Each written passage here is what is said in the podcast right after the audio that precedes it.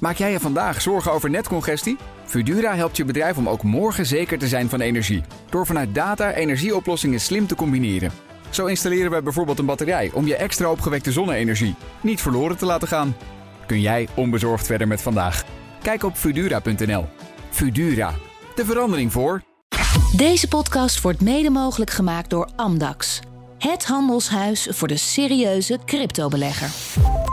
Hartelijk welkom bij deel 2 van CryptoCast nummer 234. Dit is het podcastgedeelte. In het eerste deel hebben we het gehad over het laatste crypto-nieuws. Tornado Cash en de hack van de Bitcoin geldautomaten van General Bytes. En nu gaan we het hebben over meer Tornado Cash. Wat is een crypto-mixer? De sancties in de Verenigde Staten en de arrestant in Amsterdam. Met als gast George Provoost, Bitcoin-developer. Hartelijk welkom in de CryptoCast. Wouter Dammers, advocaat civielrecht bij Lawfox. En iemand met crypto-bagage. Ja. Daarom zit je hier. En co-host Jacob Boersma, onafhankelijk blockchain consultant bij WB Node. Ja, Dag hoi. Jacob. Je was er helaas niet in eh, het A-gedeelte. Nee, Maar dat is, eh, eh. Ja, dat is toch nog goed gekomen. Je bent hier nu. Het volgende. De cryptomarkt professionaliseert. Veel particuliere, zakelijke en institutionele beleggers nemen nu cryptovaluta op in hun portfolio. En toch wordt het cryptodomein vaak nog gezien als een anoniem online gebeuren. Voor Amdax is het juist volkomen persoonlijk. Cryptovaluta opslaan, verhandelen of het beheer van je cryptovermogen volledig uit handen geven. Amdax is er voor de serieuze cryptobelegger die zijn portefeuille wil onderbrengen bij een veilige en professionele partij. En van de kant van de CryptoCast-redactie luister je graag. Vergeet dan niet je te abonneren.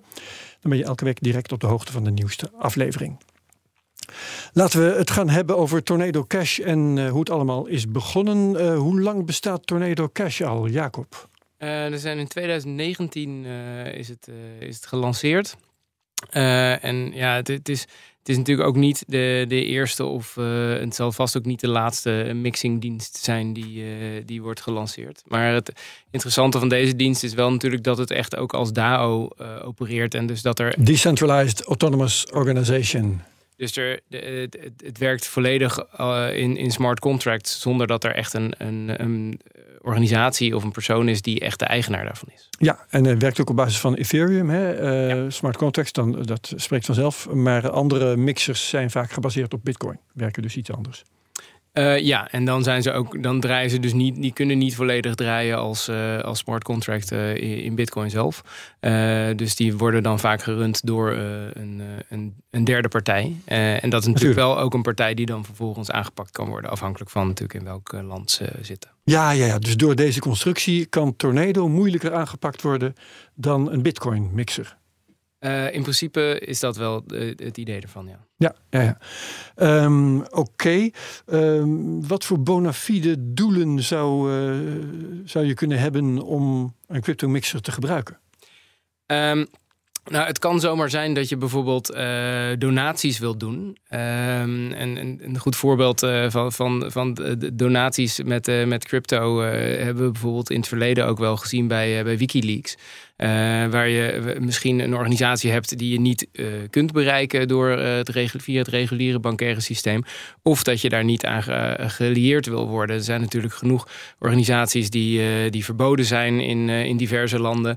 Eh, als jij eh, geld wil doneren aan, eh, ik noem maar wat, eh, dissidenten in, eh, eh, in, in Iran of zo, dan, eh, ja, dan, kun je dat niet via de normale eh, wegen doen. Of je wil misschien helemaal niet daarmee geassocieerd worden als jij met, eh, aan bepaalde eh, eh, LHBTQ-rechten eh, organisaties wil doneren, maar je woont in een land waar dat verboden is.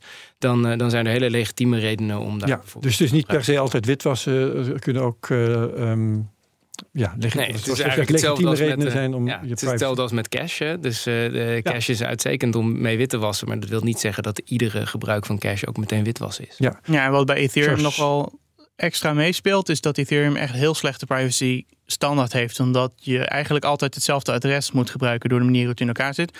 Dus eh, jij, jij gebruikt één adres en dat gebruik je misschien om je salaris te ontvangen. Dat gebruik je om met allerlei smart contracts te spelen of nuttige dingen te doen. Ehm, terwijl je bij Bitcoin, ja zeg maar. bij, bij Ja. Bitcoin maak je eigenlijk, als, als je het goed doet, voor elke transactie een nieuw adres aan. Dus daardoor is het in ieder geval iets moeilijker om, te, om voor andere mensen om te zien wat jij allemaal aan het doen bent. Ja. Ja. Dan heb je bij Ethereum ook nog mensen die dat echt veel te ver doordrijven. En die zeggen, nou, ik heb, eh, weet ik veel, eh, shorts.eth. Hè, dan zie je mensen die .eth in hun eh, Twitternaam hebben staan. En dat is echt via een smart contract aan een specifiek Ethereum-adres gekoppeld. Dus dat betekent dat je weet wie het is en wat hij aan het doen is op de blockchain. Ja, dat is gewoon niet.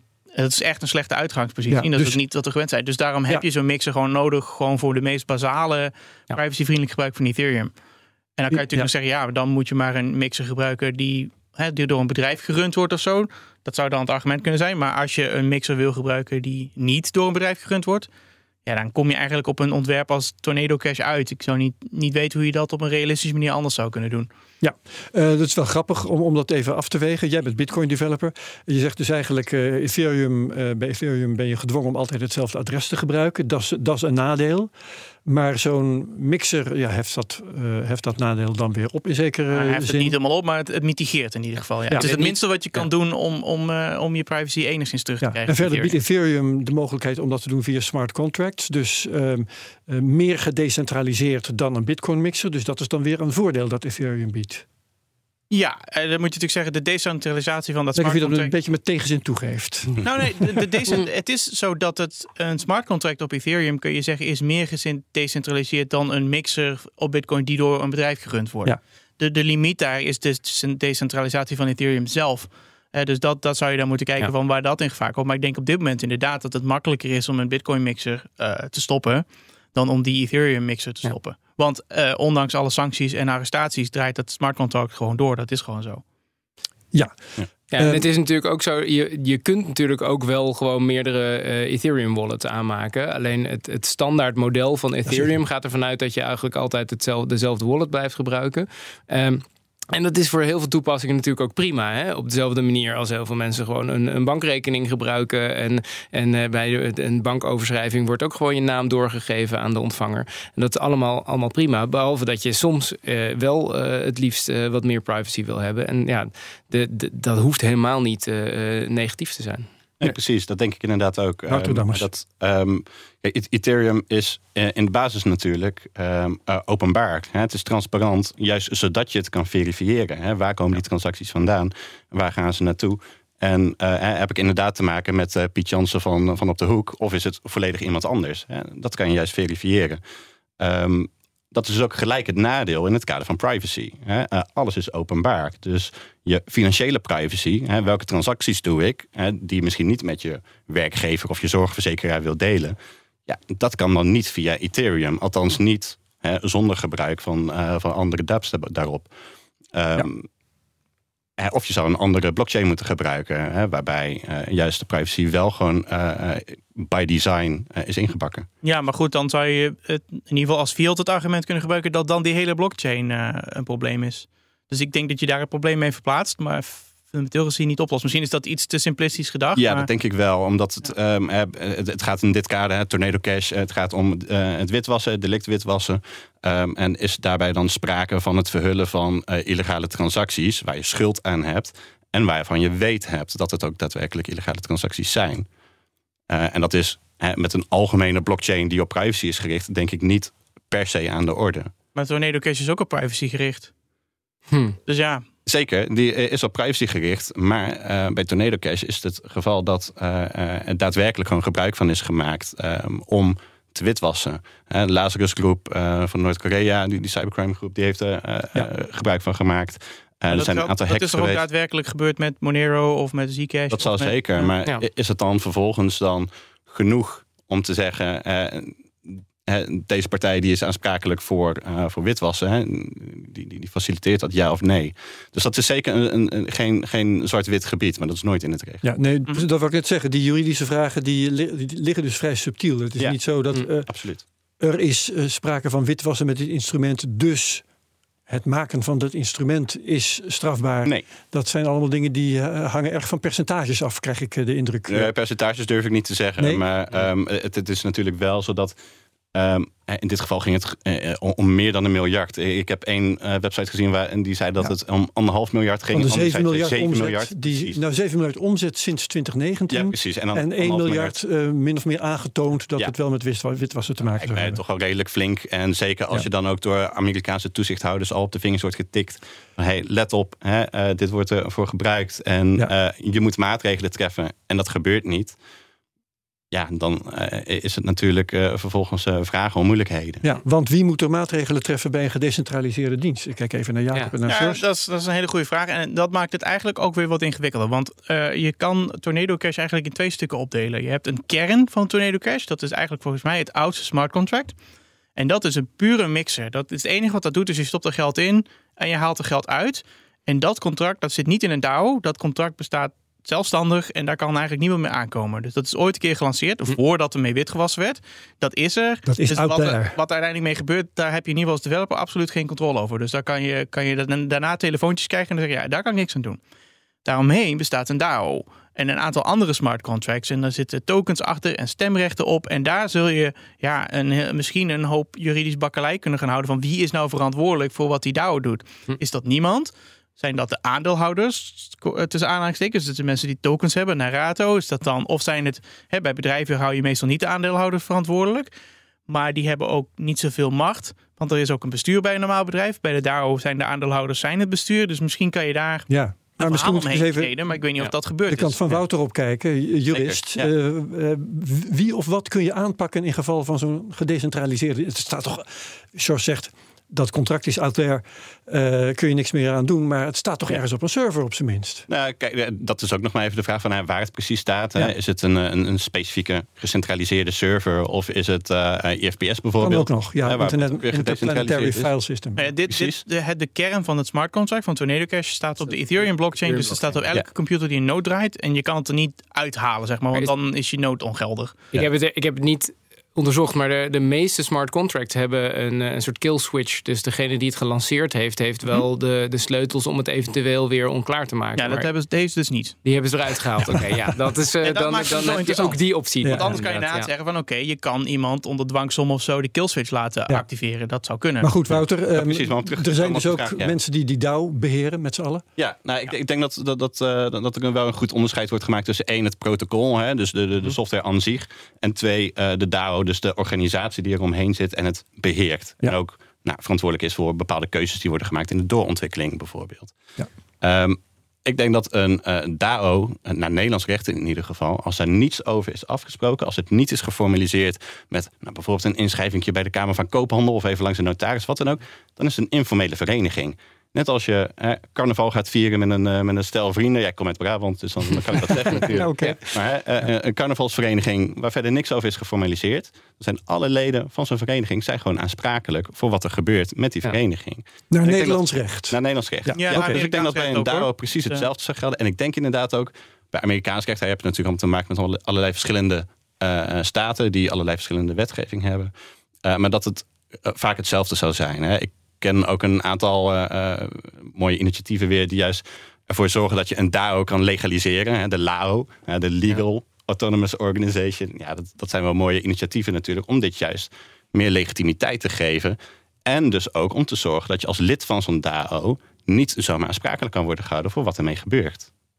Ja. Dus aan de ene kant zeg je, uh, naar Nederlands recht in ieder geval uh, zijn die leden wel aansprakelijk. Aan de andere kant is dat toch ook weer deels dichtgetimmerd. Nee, ik denk dat ze uh, gewoon aansprakelijk zijn. Toch wel? Ja. Maar, maar dan is wel de vraag dan weer... Legal waarom... Autonomous Organization. Ja. Dit is wat jij zegt. Het, het is nooit geïncorporeerd als Precies, een rechtspersoon. Het is niet geïncorporeerd. Uh, tenminste niet uh, voor zover ik weet in dit geval. Dus dan is het gewoon een informele vereniging. Ja. En dan ben je als lid gewoon aansprakelijk voor wat er gebeurt. Ja, ja, ja. Maar dat roept dan wel weer de vraag op waarom dan die developer opgepakt is. Hè? Want ja. dat is één iemand die waarschijnlijk ook wel wat tokens in die DAO heeft. En die natuurlijk wel hand- en spandiensten uh, verleent. Maar ja. ben je nou de tokenhouders verantwoordelijk aan het houden? Zijn die dan de baas of niet? Dus daar, daar zijn allemaal leuke vragen over te stellen. En dat maakt het verhaal gewoon ingewikkelder. Als het puur dat smart contract was geweest dan was het een heel pure, uh, ja, bijna vrij pure vrijheid van meningsuitingskwestie geweest. Van de dingen is gemaakt. Kan je iemand aansprakelijk over het feit dat hij ooit iets gemaakt heeft wat nu misbruikt wordt. Maar dit maakt het gewoon water. Nou, dat, was, ja, dat was in de eerste instantie ook wel het interessante. Dat, die, uh, dat het smart contract zelf op die, op die sanctielijst is geplaatst. Ja.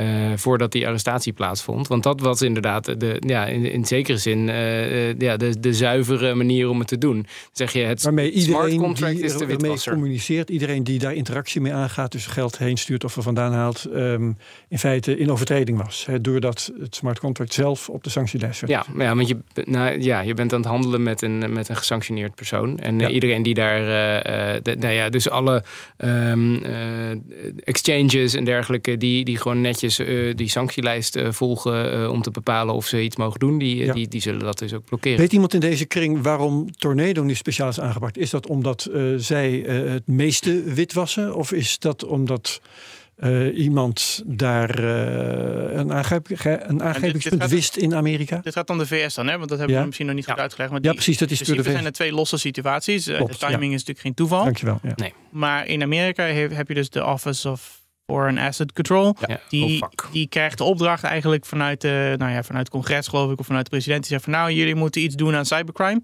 En uh, iets met Noord-Korea. En dan zeggen ze oké, dan gaan zij een beetje kijken van wat, wat kunnen we allemaal op de, wie kunnen we allemaal op de sanctie zetten, de lijst zetten. Normaal zijn dat personen. Nou, in het verleden zijn daar andere mixers uh, gezegd van nou, uh, er waren mixers en die, daar zijn de bedrijven achter die mixers en de personen achter die mixers zijn op de sanctielijst gezet. En dan wordt er ook wel vaak een adres genoemd, een Bitcoin-adres of een Ethereum-adres.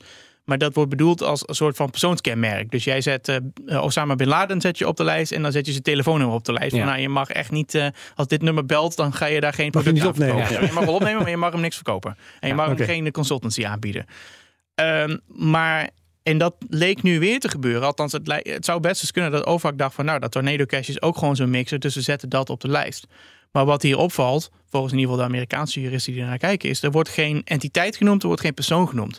Dus zeker nu we weten dat er dus een developer bekend is bij naam... dat is het opvallend dat die developer niet op die sanctielijst Ja. staat. Terwijl dat normaal wel gebeurd was als de bedoeling was... om een organisatie op de sanctielijst Ja, te ja. gooien. En is hij, Dus de zoals OVAC in, lijkt heel erg duidelijk te zeggen hier van nou, het product is het probleem, maar de Ja. makers Ja. zijn niet het probleem. Ja. Wat ik, het eh, ik kwam in een van de berichten minstens die ik las... eh eh Alex Pertsev tegen als de ontwikkelaar van Tornado Cash. Iemand enig idee of hij ook inderdaad de leidende, de voornaamste ontwikkelaar is of niet? Dat heb ik niet gecontroleerd, dat zou kunnen. Eh, er Ja. zijn altijd bij dit soort projecten wel meerdere mensen eh, betrokken. Ja, open Eh, source. maar vaak Ja. volgt dat een beetje zo'n zo'n power law. Dus hè, dat, heb je een aantal mensen die heel veel doen en een hoop kleine mensen die wat minder doen. Dat is Ja. geloof ik gebaseerd op het aantal commits. Maar dat hoeft niet per se te zeggen. Nee, dat is niet de beste manier om dat te tellen. en wat is een commit even? Ja, dat is als je dus bij open source, eh dat maak, maak ik vaak gebruik van, van GitHub of een, of een eh, andere variant daarvan. En ehm, eh, iedere wijziging die jij voorstelt eh, in de software is een commit. Ja, en dat ja. wordt dan wel of niet aangenomen. Maar dus als je heel veel wijzigingen voorstelt, dan, dan ben je wel iemand die er veel mee bezig is. Ja. Maar je hoeft, niet, er hoeft nog steeds niet degene te zijn die de oorspronkelijke kern heeft, heeft neergezet. Nee, en bovendien, ja, goed, dat is- het hangt ook een beetje vanaf hoe je, wat je stijl is qua programmeren. Sommige mensen splitsen een hele grote wijziging op in een heleboel kleine wijzigingen. Ja, is dat dan meer of minder? ja, Dus dat precies. dus dat hoe, hoe je het telt is inderdaad eh, is er dus. En Wouter, ehm, het feit dat dat smart contract op de sanctielijst is geplaatst, ehm, heeft dat op, eh, door de Amerikanen, Ja. heeft dat direct gevolgen in Europa? Ehm, als, als ik nu eh, Ethereum stuur naar Tornado Cash, ehm, Voor zover ik weet niet. dan Ik ben een maken? advocaat, dus ik durf dat niet met ja. zekerheid te zeggen. Maar ehm, wat ik zo begrijp is dat eh, die sanctielijst met name voor Amerikanen geldt. Dus dat zij geen eh, eh, ja, communicatie mogen voeren met dat smart Ja, contract. er was een vermakelijke actie van ook Maar wel een heel breed. Hè? Dus, dus Mm. eh, zeg maar, ja, Amerikaans staatsburgers. Maar stel dat jij een Nederlands bedrijf runt en je Ja. hebt een Amerikaanse aandeelhouder. Dan kan Ja, je je er ook maar beter aan die sanctiewetgeving houden. Dus ik denk dat als jij jouw Ethereum, als dat uit Tornado Cash komt en je stuurt het naar een Nederlandse exchange toe. Zou ik erop rekenen dat het toch bevoren gaat worden? Ook al Ik zou er sowieso even opletten. Ook al Ja. eh, zouden we Ja. niet direct op. eh, op Ja, het begrip US persons is een, eh, is een heel breed eh, begrip. En het is niet voor niks dat ook eh, eh, de cryptobedrijven in, eh, in Europa vaak zeggen van nou we willen absoluut niks doen met US persons. Ja, dan wordt dat er uitgesloten. En dat, is, Ja. en dat is, gaat veel verder dan alleen maar mensen die een Amerikaans staatsburger zijn. Ja. Eh, dat geldt ook voor gewoon niet-Amerikaans staatsburgers die toevallig in Amerika zijn. Of Amerikanen die toevallig buiten Amerika zijn. En inderdaad mensen met eh, de- hoe heet het, eh, rechtspersonen met, eh, met aandeelhouders. Dus eh, ja, de, de rijkwijde van die Amerikaanse wetgeving is, eh, is best wel ver. Ja, en er was iemand uh, die vanuit Tornado Cash uh, zomaar Ethereum is gaan sturen naar allerlei bekende Amerikanen. Oh ja. Verschillende ja. komieken, Dave Chappelle, uh, Jimmy Fallon, ehm, maar ook bijvoorbeeld de Oekraïne, het, het Ethereum-adres van um, het fonds, het fonds voor de Oekraïnse defensie, inderdaad. En ik las berichten op Twitter van mensen die dat gekregen hadden en ook inderdaad allerlei accounts waren kwijtgeraakt. Ja, nou dat gaat zelfs dat gaat nog breder. Hè? Want deels is het dus zo dat als jij ooit um, als je ooit iets gedaan hebt met uh, dat Tornado Cash, dan word je vaak al automatisch geflekt. Want dat gebeurt er, die exchanges. Ook als het was voordat ze op ja, de sanctielijst waren. die exchanges die draaien gewoon automatische software die gewoon een rood vlaggetje zet bij transacties. En die automatische software, die is, ja, dat is niet per se de meest geniale en eerlijke software. Dus die, als er iets nieuws op de sanctielijst komt, ja, gaat die software dan kijken van wanneer is het op de sanctielijst gezet? Nee, die, die zet gewoon overal een vlaggetje neer. En dan mag een, een medewerker het gaan uitwerken. Maar dat is shoot first, ask questions later. Dus je gaat heel veel mensen krijgen wiens geld bevoren wordt. En die, en die mogen dan in de loop van de jaren, maanden, uh, afhankelijk van hoeveel pech je hebt, uh, dat gaan uitzoeken. En dat kan problemen opleveren. Ja, ja dit is dit, inderdaad. De, op zich is die software best wel geavanceerd. Uh, de, maar je, die, die, berekent inderdaad een bepaalde taint-score, zoals dat heet. Dus hoe, hoe besmet is deze transactie? En inderdaad, boven een bepaalde grenswaarde moet er dan inderdaad een, een, een menselijke medewerker gaan kijken: van ja, is dit, is dit inderdaad toeval? Is dit een of andere ja. uh, malicious iemand die. En dat is wat George zegt. Dan moet je maar hopen inderdaad dat er op tijd een mens naar jouw geval kijkt. Nou ja, in ieder geval ben je in de tussentijd uh, worden je, worden je te goed inderdaad tijdelijk. Uh, ja, en, en, wat bij Ethereum dan ook weer tricky is, maar ja, bij Bitcoin ook wel een beetje hoor, maar um, je hebt maar één adres. En op het moment dat daar uh, saldo bij komt, dat werkt met een saldo. Dus als daar uh, 100 euro aan Ether bij komt van een gesanctioneerd adres, dan is dat niet los te trekken. Nee. Dus dat hele adres moet je dan zeggen, wat, wat gaan we daar nou mee doen? En daar moet, ja, daar moeten in Amerika moeten daar een hoop juristen over gaan uh, nadenken. De OVAC had eigenlijk van tevoren dat al moeten toelichten, normaal. Want ze moeten zeg maar, analyseren wat de onbedoelde schade is. En dan mogen, moeten ze eigenlijk alvast bedenken van wat, wat mogen staatsburgers wel doen en zo. Om die schade te beperken. Precies om dit te voorkomen. En daardoor lijkt het er heel erg op dat ze gewoon hier totaal niet over hebben nagedacht. En dat ja. gewoon rukzichtloos op de sanctielijst hebben gezet. En nu zien dat dat echt heel veel problemen oplevert. En, en George, um, die Amerikaanse actie op zichzelf, hè, dat uh, op de sanctielijst plaatsen van. Heeft dat uh, gevolgen voor developers? Dat die opeens niet meer durven? Nou, uh, indirect ja. Want wat er gebeurd is, is dat er een aantal bedrijven zoals Microsoft, die eigenaar is van GitHub, uh, heel breed, die sancties heel breed zijn gaan interpreteren. Hm, voor de zekerheid. Ja, want als ze, ze niet breed genoeg interpreteren, gaan ze ja. 30 jaar de cel in. Dus het is een hele makkelijke berekening. Je kan beter gewoon een heleboel klanten heel slecht behandelen door gewoon hun accounts te sluiten, ja. dan dat je genuanceerd probeert te zijn. En voor Microsoft, nou ja, dat hebben we in andere vakken ook wel gezien, die vinden dat allemaal niet zo belangrijk. Uh, met, met kinderporno zie je dat ook, uh, dat mensen hun account kwijtraken omdat iemand een, via WhatsApp een foto van een baby stuurde. Ja. En dan ja. ben je gewoon je hele Microsoft-account kwijt. Dus dat doen ze nu bij GitHub ook. Met, met alle materiaal dat je had verzameld ja. in de cloud. en dan mag je naar de rechter gaan in Nederland. Was, en dan dat na was twee Google, jaar je Google van de rechter. inderdaad, recentelijk inderdaad is iemand als een als een uh, opslaagfoto's kwijtgeraakt. Ja, maar dat is in Nederland dus al jaren geleden ook al gebeurd. Dus dat is, uh, nu wordt het nieuws, want het is, het is niet nieuw. Nee. Uh, en wat er dus nu gebeurt is iedereen die aan die software gewerkt heeft, in ieder geval tot een bepaalde hoogte, die is een GitHub-account kwijtgeraakt. Ook de software die niks met Tornado Cash te maken had. Ah. Dus in die zin uh, moet jij als developer inderdaad twee keer nadenken voor jij software publiceert die ooit een keer op de sanctielijst terecht kan komen. Of überhaupt eraan bijdraagt. Oeh, dan moet je vooruit. Of überhaupt ja. een bug report invult. Dat je zegt van hé, hey, ik heb een fout gevonden in jouw software.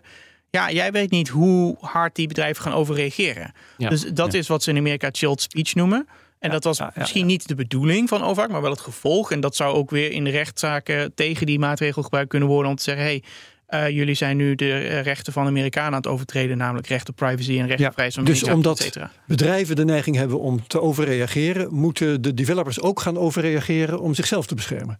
Ja, je, ja, gaat jezelf, je, gaat jezelf censureren. Ook al zegt, uh, zegt dan de, de, Amerikaanse overheid in dit geval niet van nou we gaan, uh, we gaan developers aanpakken. Door, door dit soort uh, ma ja, maatregelen van, van bedrijven gaan, gaan inderdaad gaan mensen zichzelf censureren. Ja, en, en ook wat je zegt. Want ik heb meerdere podcasts geluisterd van Amerikanen die daarmee bezig waren in de week daarna. En die moesten echt, die, die zeiden ook, en dat hoorde je ook, dat ze heel erg op hun woorden moesten passen. Want als jij iemand helpt bij het ontwijken van een sanctie, door bijvoorbeeld te zeggen: hé, hey, je kan je eigen nood draaien. Ja. ja, is dat helpen met sanctieontwijking. En dan komt het de zaak van uh, Virgil Griffith uh, ja. om de hoek kijken. Dat is een Amerikaan jongen die in Noord-Korea. Ja, die is, goed, die is wel aanzienlijk verder gegaan dan even iets in een podcast uitleggen. Die is fysiek naar Noord-Korea gegaan en die heeft daar op een conferentie allerlei dingen zitten lopen uitleggen. Hm. Zelfs na daartoe, Hm? Zelfs na een verbod daartoe. Ja, hij heeft toestemming gevraagd verboden. kreeg hij niet. Heeft ja. verboden, hij is er naartoe gegaan. Um, maar goed, je kan ook zeggen, ja, alles wat hij daar heeft uitgelegd was, was uh, allemaal op internet te vinden. Ja. En dat was ook de verdediging. Maar goed, hij kon zich niet eens verdedigen omdat ze een, een, eh, een, plea, een plei, pleidooi, een plea deal hebben gedaan. Dus dat doen ze in Amerika. Daar, je krijgt, ja, je krijgt meestal geen rechtszaak, want dat is veel te duur. Dus je verdedigt je. Eigenlijk, wat je eigenlijk doet is ja, ik ben schuldig en geef me niet al te hoge straf alsjeblieft. Dus die zaak is nooit echt verdedigd.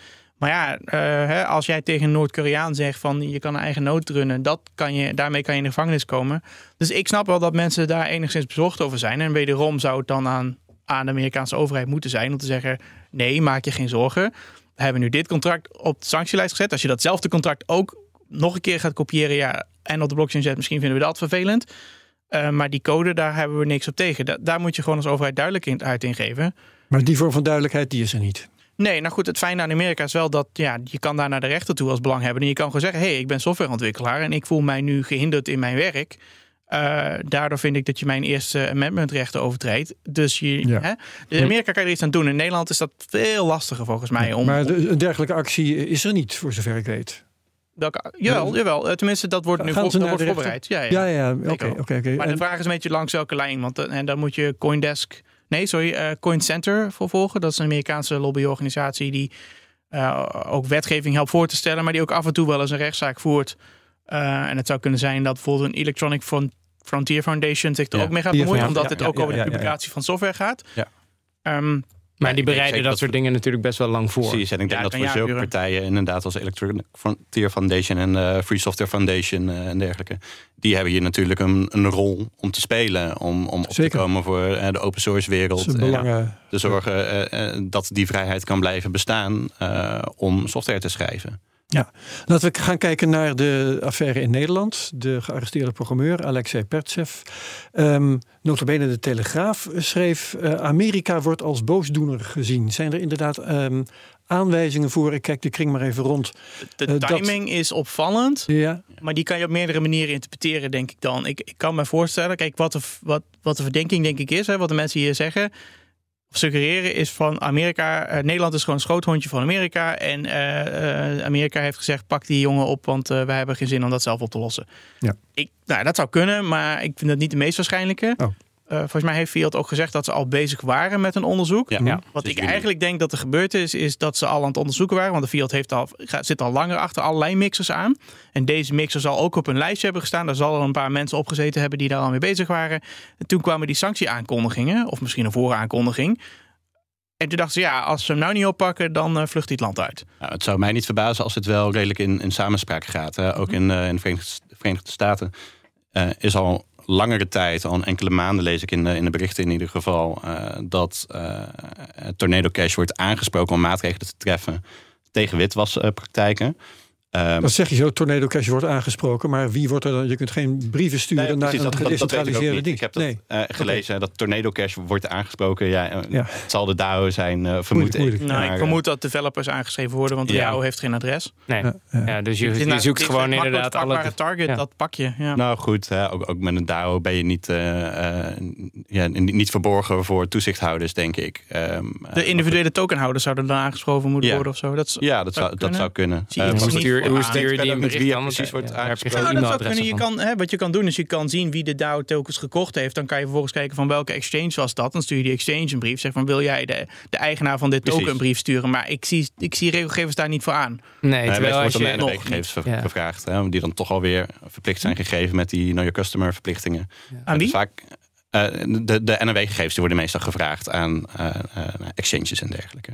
Ja, maar ik, ik denk wie dan de dat op is. dit moment de regelgevers als ze kunnen kiezen tussen wat we nu beschrijven, hè, dus de tokenhouders mm netjes aanschrijven aan gegevens mm of vragen ja de ja, of gewoon even op GitHub kijken welke e-mailadres ik zie en daar een, heel boos mailtje naartoe sturen, dat je dat laatste doet. Terwijl Ja. je inderdaad wel kunnen beargumenteren dat, die, eh, hè, dat, dat de echte baas de tokenhouders zijn. Maar goed, Jawel, maar de, de, tegelijkertijd, als je al die developers aanschrijft, dat zijn wel degenen die er ook iets aan kunnen veranderen aan de werking van zo'n eh van zo'n DAO. natuurlijk. tot op zekere hoogte, hè, want dat werkt met ja, er moet wel over worden Dus- gestemd. Ja, dat Inderdaad. klopt. Ja. Als, zij iets, als zij een stukje code schrijven en de, de kiezers zeggen ja, doeg, Ja. dan gebeurt het jij zegt Dat dus gewoon eigenlijk, niet door. Ik heb er niet voor betaald. geweest. Dus, eh, hm? Jij, jij zegt, George, eh, ze pakken de programmeurs, want die zijn het makkelijkst te pakken. Ja, dat zie je ook bij Bitcoin met eh, bijvoorbeeld Craig Wright, hè, waar Ja. jullie eerder een aflevering over hebben gedaan. Ja. Eh, eh, dan zie je dat hij gewoon developers gaat aanklagen. Ja. En dan zegt van, eh, ik wil dat jij mij helpt met het stelen van, eh, van de coins van Satoshi. Heel andere affaire. Gaan Heel andere niet affaire, over- maar daar zie je ook weer Ja. dat de zwakste schakel zijn de developers. Terwijl de developers Ja. uiteindelijk niet, er niet over gaan. Want als de developers, zelfs al zouden developers code schrijven die iets doet wat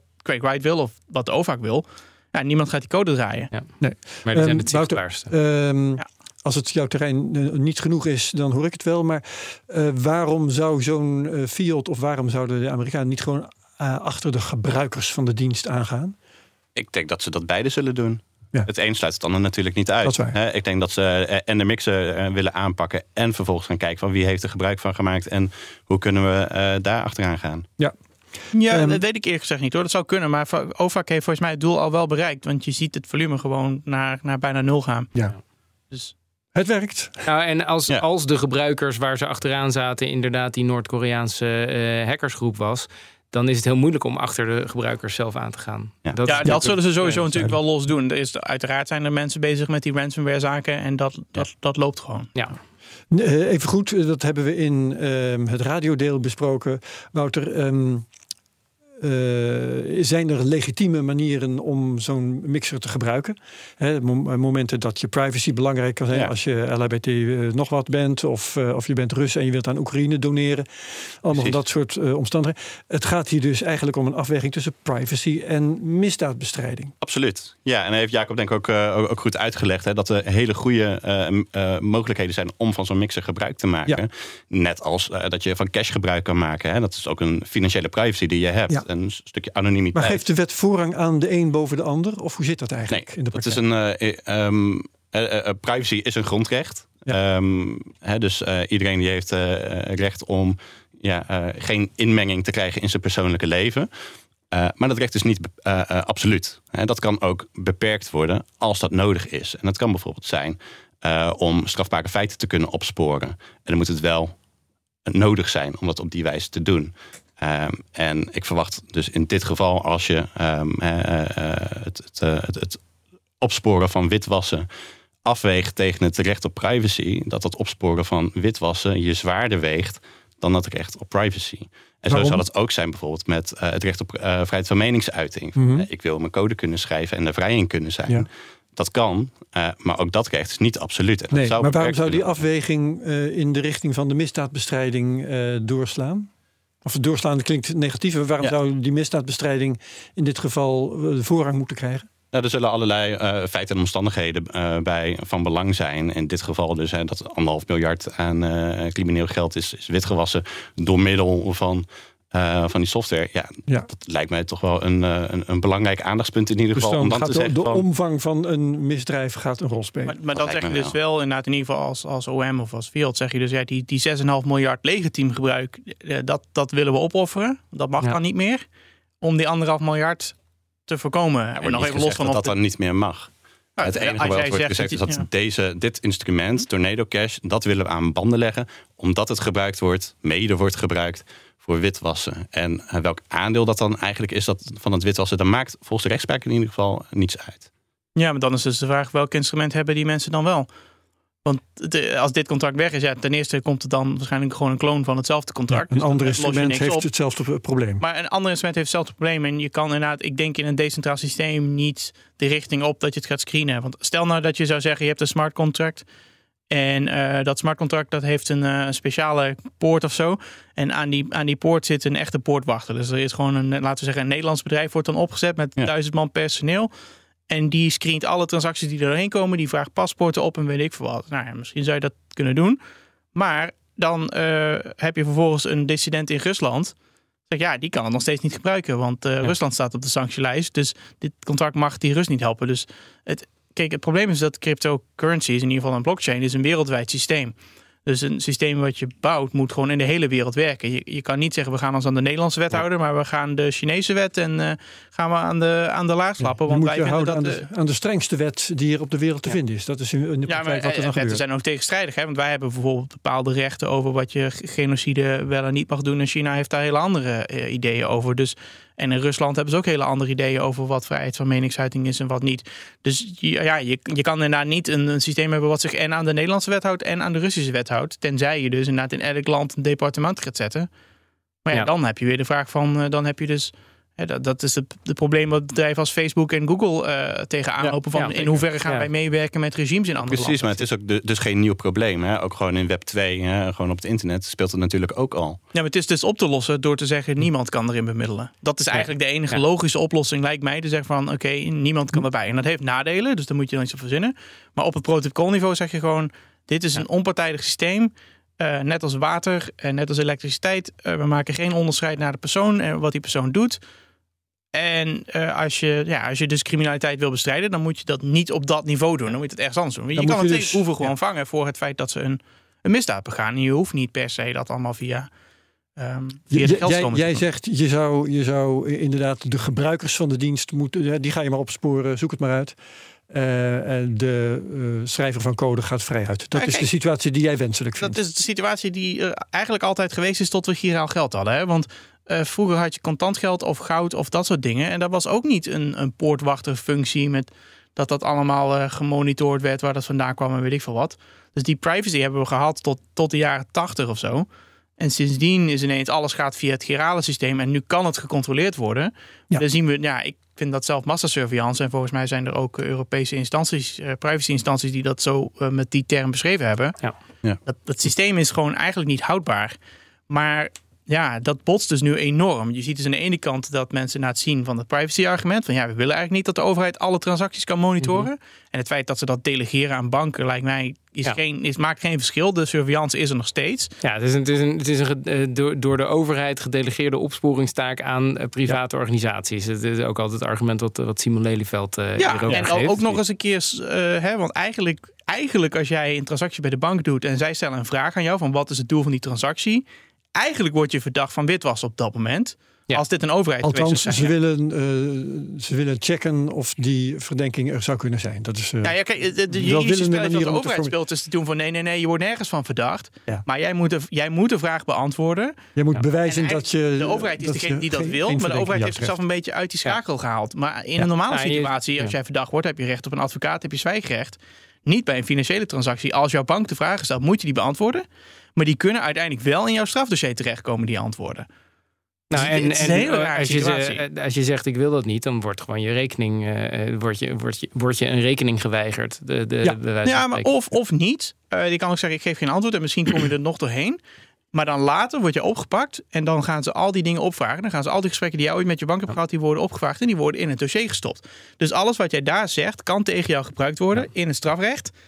Maar je hebt geen zwijgrecht en geen recht op advocaat. Maar zelfs als dat niet gebeurt, dan zijn er dus gewoon steeds meer uh, mensen die gewoon niet eens een bankrekening kunnen krijgen. Uh, omdat de bank gewoon alle risico's mm probeert uit te sluiten. Ja. Omdat crypto in je bedrijfsplan staat of iets dergelijks. Ja, ja, exact. En ja, nog veel, verder. veel verder, precies. Je hebt uh, zelfs hele adult-industrie wordt, wordt gewoon verbannen. de porno-industrie, om het even ja, precies. overbloemd te zeggen. Sekswerkers. maar zelfs, het is inmiddels duurt het, als je gewoon überhaupt een stichting opricht, dan duurt het niet meer. acht maanden uh, minimaal ongeveer om een, uh, om een bankrekening te openen. Omdat uh, ja, de, alle witwasmaatregelen zo streng zijn geworden dat niemand dat meer aandurft. Ja. Dus die botsing tussen twee systemen die zie je eigenlijk op heel veel plekken. Dus ook met die arrestatie nu van waar ligt nou die grens met vrijheid van meningsuiting. En als je echt dat anti-witwasbeleid, als je dat tot in het extreme doordrukt, dan denk ik dat, dat er echt weinig overblijft van vrijheid van meningsuiting. Ik denk dat je echt best wel veel um, ja, mensen moet gaan oppakken en systemen moet gaan verbieden.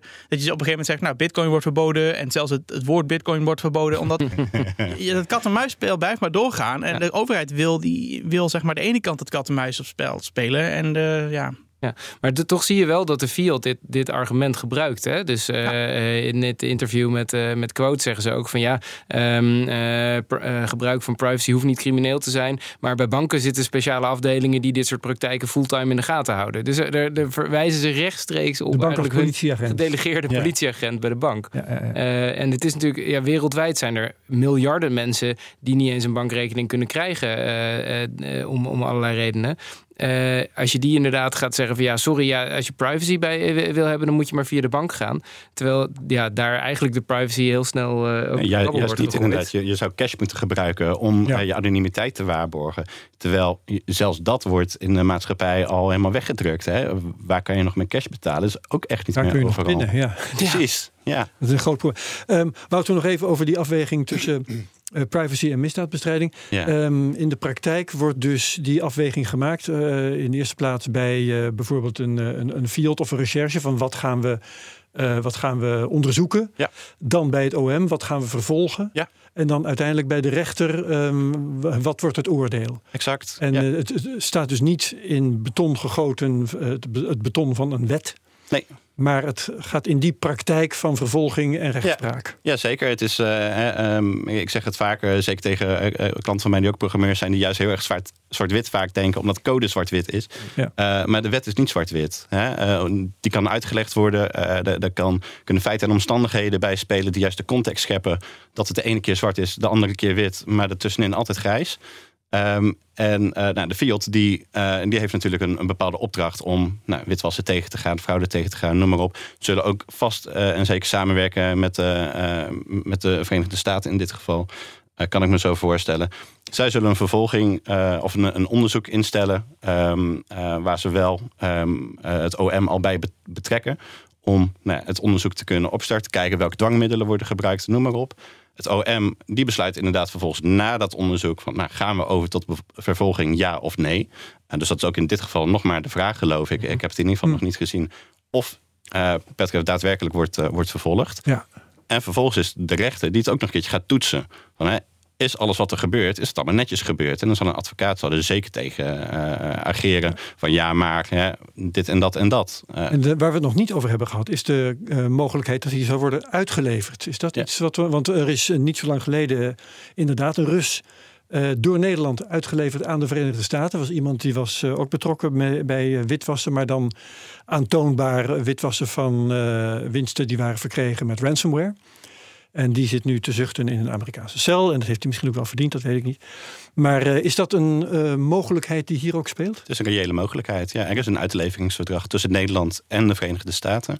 Um, en daarin is bijvoorbeeld ook opgenomen dat uh, het strafbaar moet zijn in beide jurisdicties. Dus Ja. zowel in de VS als in Dan Nederland. moeten we het weer gaan hebben over wat George al aan de orde stelde: de vrijheid van meningsuiting. Want in de Verenigde Staten is code free speech. Ja, dat is in Nederland ook zo. Hè. Code is free speech. Hè. Je mag opschrijven wat je wil, net als dat je een boek schrijft. Uh, je mag schrijven wat je Ja, wil. maar in, in, in eh, de Verenigde Staten is het volgens mij meer expliciet eh, geformuleerd. Ja. Eh, daar mag je volgens mij ook ehm, eh, niet alleen schrijven, maar je mag ook publiceren.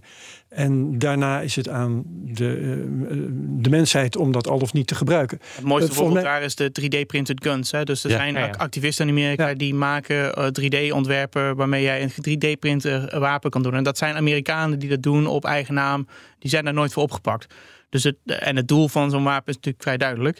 Dus ehm, ik denk dat als het puur alleen maar om, om het publiceren van die code gaat, dat Amerika dat risico niet gaat nemen om een uitleveringsverzoek te doen voor een zaak die ze gewoon waarschijnlijk verliezen. gaan verliezen. Ja. Gezien de precedent met hè, als, je, als je vuurwapens mag ontwerpen als software, lijkt het me vrij vreemd dat je dan geen Ja. software gebruik kan maken die gebruikt kan worden om wit te Dus wassen. de vraag is, eh, Wouter, eh, is dat een essentieel verschil tussen Amerika en, eh, en Nederland? Daar gaan we achter komen, denk ik. Ja, Ja, ja, het is strafrecht, dat lijkt is me niet helemaal jouw... Het- eh, Nee, het, het is hier natuurlijk ook eh, eh, het Amerikaanse free speech wat hierbij eh, een rol speelt. Eh, en ik moet ook wel gelijk denken aan die, die andere programmeur die juist in Noord-Korea ging, ging babbelen over, uh, over crypto. Virtual Griffith. Ja. Precies. Het, ja. Uh, met namens mee van Schoten. Maar die verdediging is nooit helemaal gevoerd. En het zou dus best Nee, kunnen precies. dat hij het wel had gewonnen. Maar dat zou hier natuurlijk ook bij kunnen gaan Ja. spelen. Ja, dat en is daar- in ieder geval daar wat ik wilde Speelt daar niet ook nog mee dat het, eh, de, of het wel of niet grensoverschrijdend is? Want je mag natuurlijk van alles en nog wat binnen de grenzen van Amerika. Daar ben je heel Ja. sterk eh, beschermd door de Constitution. Eh, maar er is natuurlijk in- inderdaad het precedent van dat ehm, eh, sterke cryptografie eh, in de jaren negentig eh, eh, eh, niet geëxporteerd mocht worden. Dus dan is het nog steeds free speech binnen de grenzen van Amerika. Maar eh, je, mag, je bent wel strafbaar als je net de grens overneemt. En dit is natuurlijk bij uitstek iets wat ook eh, eh, ja, gr- grensoverschrijdend is, per definitie, omdat het op een wereldwijd netwerk gepubliceerd is. Ehm, ja, we komen op het punt dat we toch moeten gaan zeggen: dit moeten we allemaal gaan afwachten. Maar George, ik wil van jou nog wel even horen: wat voor eh, middelen heeft eh, de, eh, ik zal maar zeggen, de actiegroep voor Alex Pertsev? wat voor middelen heeft hij nu nog? Er is de website setalexfree.nl. Weet jij wat er nog gaat gebeuren? Ik weet het niet. Er is een openbare Telegram groep eh, waar ik ook in rondkijk. En waar volgens mij iedereen in kan rondkijken. En Ja. ik denk dat zij ook even wachten tot er meer duidelijkheid is. Ik geloof wel dat er morgen een zitting is eh, bij een rechter. Ik weet niet waar. Ehm, dus die zal dan besluiten of hij, in, eh, of hij Is dat de blijft. Ja. Of dat hij in huisarrest mag. Of weet ik veel wat. Verlengd wordt. Nou ja, kijk, eh, er zijn misschien, misschien ook wel wat andere organisaties die het interessant vinden om hier iets over te vinden. Alleen zolang niet duidelijk is waar hij nou exact van beschuldigd wordt, willen organisaties er ook niet aan branden Nee. natuurlijk. Ja. Hè? Dus ik kan me voorstellen ja, dat, dat zolang dat dossier er niet ligt, dat iedereen een beetje op de zijlijn blijft zitten van nou, ik ga niet expliciet zeggen dat ik hem de gevangenis uit wil, want wie weet wat hij gedaan heeft. Maar eh, het klinkt wel als mogelijk zorgwekkend. Wouter, is het eh, de normale gang van zaken dat na eh, intussen bijna twee weken we nog niet weten waar hij van beschuldigd wordt? Nou, ik verwacht dat zijn advocaat dat eh, zeker weet waar hij van eh, beschuldigd wordt. Oké, dus eh, wat dat betreft geen misstand. Maar het is wel zo, zeker dat hij ergens van beschuldigd wordt. Want in eerste instantie, vlak nadat hij werd opgepakt, werd gezegd van ja, nee, maar we, we kunnen ook gewoon iemand eh, eh, arresteren om hem te verhoren. Ja, maar dat is ook zo. Hè. De, de FIOD die, Ja. die kan dus onderzoek doen. Eh, dus dat zal ook in eerste instantie zijn gebeurd. Van, hè, eh, laten we hem vooral gaan eh, horen om te Ja. kijken wat is je verklaring, wat, eh, wat is allemaal aan de hand. Maar er zijn termijnen voor, neem ik dan Ja, aan. Hè? Dat als iemand wordt gearresteerd, dat hij toch binnen een bepaalde termijn moet horen of hij. Ja, is en, dat, wordt. eh, en Wat is die dan is dus aan het OM om dan vervolgens te zeggen van ja, we gaan je vervolgen, ja of nee. Ja. Eh, en daar zijn allerlei termijnen voor die daar relevant bij zijn. Het eerste verhoor wat erbij plaatsvindt, dat eh, kan gebeuren. Eh, advocaat eh, kan erbij aanschuiven. Die zal voor dat eerste verhoor in principe recht hebben eh, op inzage in het, eh, in het procesdossier. En dus ook weten van wat hem ten laste wordt gelegd. Ja, ja. En, en op welke termijn zou, de, zou dat de openbaarheid moeten bereiken? Ik zou het niet weten. Nee. Oké. Ehm, George, wat eh, denk jij dat er verder gaat gebeuren? Of wat hoop jij dat er verder gaat gebeuren? Nee, ik weet niet. Ik hoop dat zo snel mogelijk dat dossier bekend wordt en dat de advocaat eh, het een goed idee vindt om dat in, eh, al dan niet enigszins geredactioneerd op internet te gooien, zodat iedereen daar een mening over kan vormen, Ja. zodat mensen een beetje uit hun schelp, schelplek durven te komen. Want zo, eh, ja, goed. Het al- alternatief is dat hij selectief gaat zeggen wat erin staat. Ja, dan moet je op die uitspraken afgaan en dan zullen misschien andere mensen zich daar niet achter durven schuilen. Dus ik, ik durf het niet te voorspellen wat er gaat gebeuren. Ja. Wouter Dammers, nog een Ja. hoop om uit te spreken? Ja, het zou mooi zijn als, eh, als hier inderdaad wat meer open, eh, openheid over komt. Want het eh, geeft ook de discussie. Hè? Het, het kan, eh, partijen worden in staat gesteld om een, go- een goede discussie te voeren over nou, bijvoorbeeld de financiële anonimiteit, hè, eh, financiële privacy. eh, enerzijds, maar anderzijds ook eh, criminaliteitsbestrijding. En, en eh, ja, welke kant moet het eh, eh, eh, naartoe? En eh, eh, willen we met z'n allen dat we in een gereguleerde cryptowereld komen waarbij privacy helemaal geen rol meer speelt? Uh, of willen we juist um, uh, met z'n allen daar vrij over kunnen beschikken? Hè? Dat zijn Ja. goede Ja. en belangrijke afwegingen. Um, ik zou in ieder geval nog willen zeggen dat hiermee in ieder geval wel is aangetoond dat uh, de cryptowereld niet vrij is van toezichthouders en, en wetgeving. En dat het absoluut geen, geen uh, ja, vrije uh, Wild Westen is Nee, waar je nee, nee. kan doen en laten wat je wil. Dat vermoeden hadden we het al inderdaad, dat het zo. Mijn vermoeden is ook dat dit, eh, of mijn vrees is dat dit nog jarenlang onduidelijk gaat blijven. En Dat is natuurlijk vervelend, want dan betekent dat je als ontwikkelaar gewoon niet weet waar je aan toe bent. Dat betekent Ja, ook dat als jij als bedrijf niet weet waar je aan toe bent als jij aan open source werkt. En dat je als investeerder misschien niet in een Nederlands bedrijf durft te investe- te investeren, Ja, dus de omdat je niet weet wat de wet is. Ja, Dus- de hoop is dat ja. het snel duidelijkheid geeft, omdat er wel Precies. een rechtelijke uitspraak komt. Het, en de vrees is dat het zo lang gaat duren dat het allemaal onduidelijk blijft en dat iedereen uit, uit angst maar gewoon of het niet doet of ergens eh, naar het buitenland gaat. En dat we moeten wachten op de wetgever. Dat het ook weer jaren duurt voordat er duidelijkheid komt. Ja, dat is in Nederland natuurlijk een enorm Ja, dreigpunt. precies. We hopen eh, dat het... En eh, dat kan natuurlijk wel deels aan de politiek zijn. Hè. De politiek Ja. zou natuurlijk eh, zich niet met die zaak kunnen bemoeien. Maar de politiek kan wel zeggen: hey, wij, vinden, wij, wij vinden bij deze dat open source gewoon helemaal beschermd is. Ongeacht wat je doet. En daar gaan we nu gewoon een noodwet voor, eh, voor invoeren. Dat zou je kunnen doen. Misschien wat, eh, wat gehaast. Maar ehm, Oké, daarmee verklaar ik deze podcast voor afgerond.